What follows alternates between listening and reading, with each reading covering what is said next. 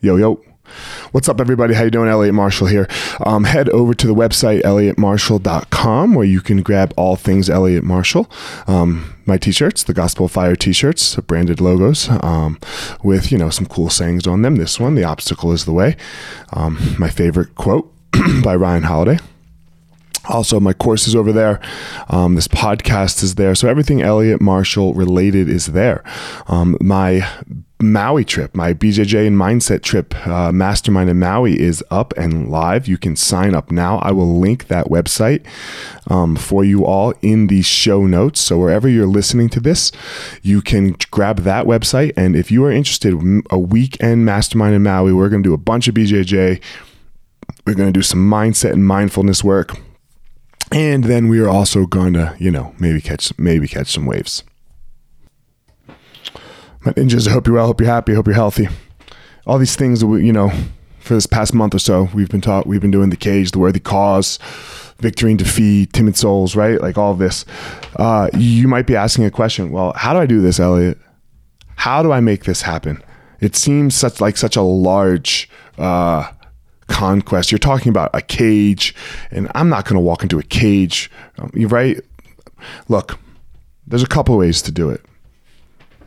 Depends on where you are, what station you're at. How how how far behind the eight ball are you? If you're real far, I have one for you. Set a goddamn alarm. Set an alarm. Make it 30 minutes. If you have one uh, an alarm going already, make it 30 minutes earlier.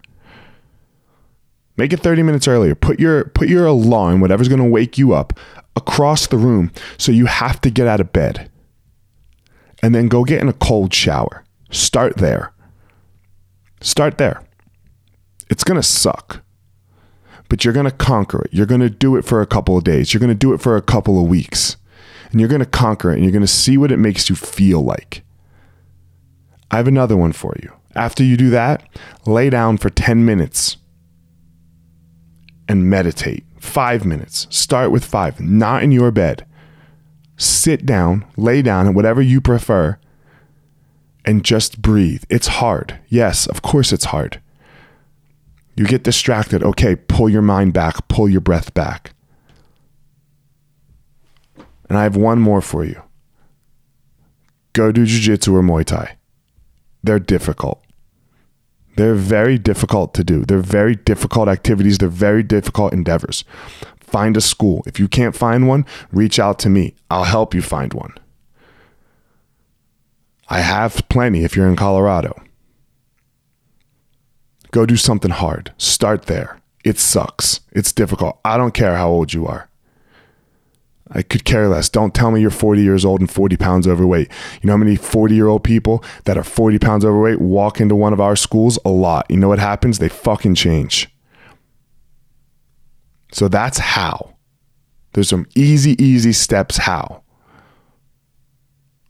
Let's do it. There's no excuses. There's no excuses not to have a cage and make the walk and find a worthy cause.